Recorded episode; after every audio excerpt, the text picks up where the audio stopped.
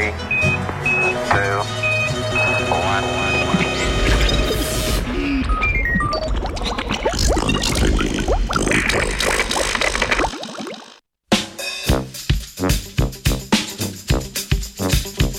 Ari Oceano.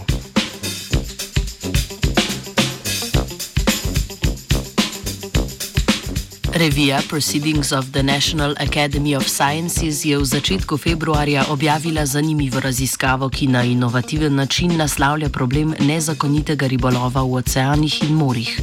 Zaradi prostranosti in težke dostopnosti teh ekosistemov, pa tudi na račun gromozanskega števila ribiških in drugih plovil, je učinkovit nadzor nad ribolovom težko vzpostaviti.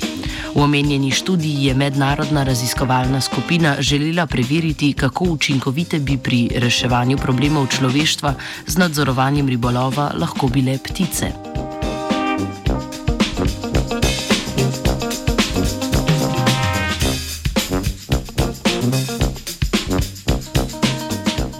Kot poskusne stražarje oceanov so izbrali dve vrsti iz družine albatrosov, ptic z razponom kril do 3,7 metra, ki lahko oceane preletavajo tudi po več mesecev skupaj.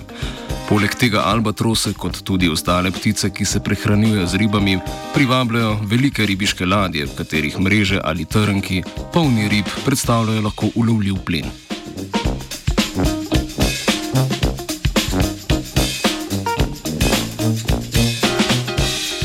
Za namen odkrivanja nezakonitega ribolova so raziskovalci in raziskovalke 169 albatrosov, živečih na treh otočjih sredi Indijskega oceana, opremili s posebnimi oddajniki GPS.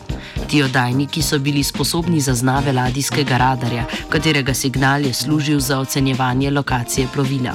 Oddajniki, težki manj kot 100 gramov, so za znane lokacije plovila v zelo kratkih časovnih intervalih pošiljali satelitu, kar je omogočilo spremljanje ladij v realnem času.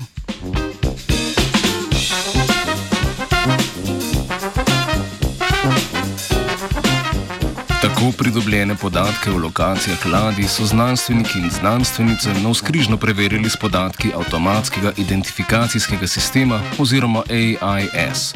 Sistem AIS omogoča elektronsko sledenje plovilom in je namenjen predvsem povečanju varnosti plovil na morju, saj oddaja podatke o smeri plovbe, tipu plovila, njegovi destinaciji.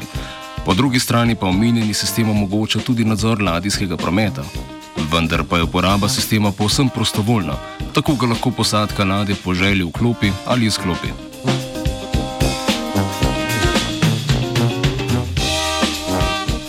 Primerjava podatkov iz sistema ASI s tistimi, ki so jih posredovale ptice, je pokazala, da je od 353 zaznanih ladij 28 odstotkov izklopilo svoj avtomatski identifikacijski sistem.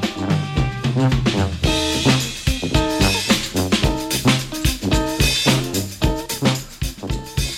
delež seveda ne predstavlja le ladij, ki so izvajale nezakonit ribolov. Vključuje tudi različna vojaška plovila, tovorne ladje in ladje z okvaro sistema AIS.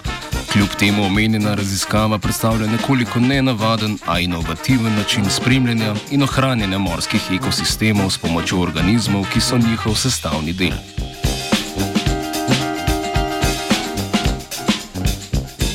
Stražarje oceanov je zaznal Gregor. three.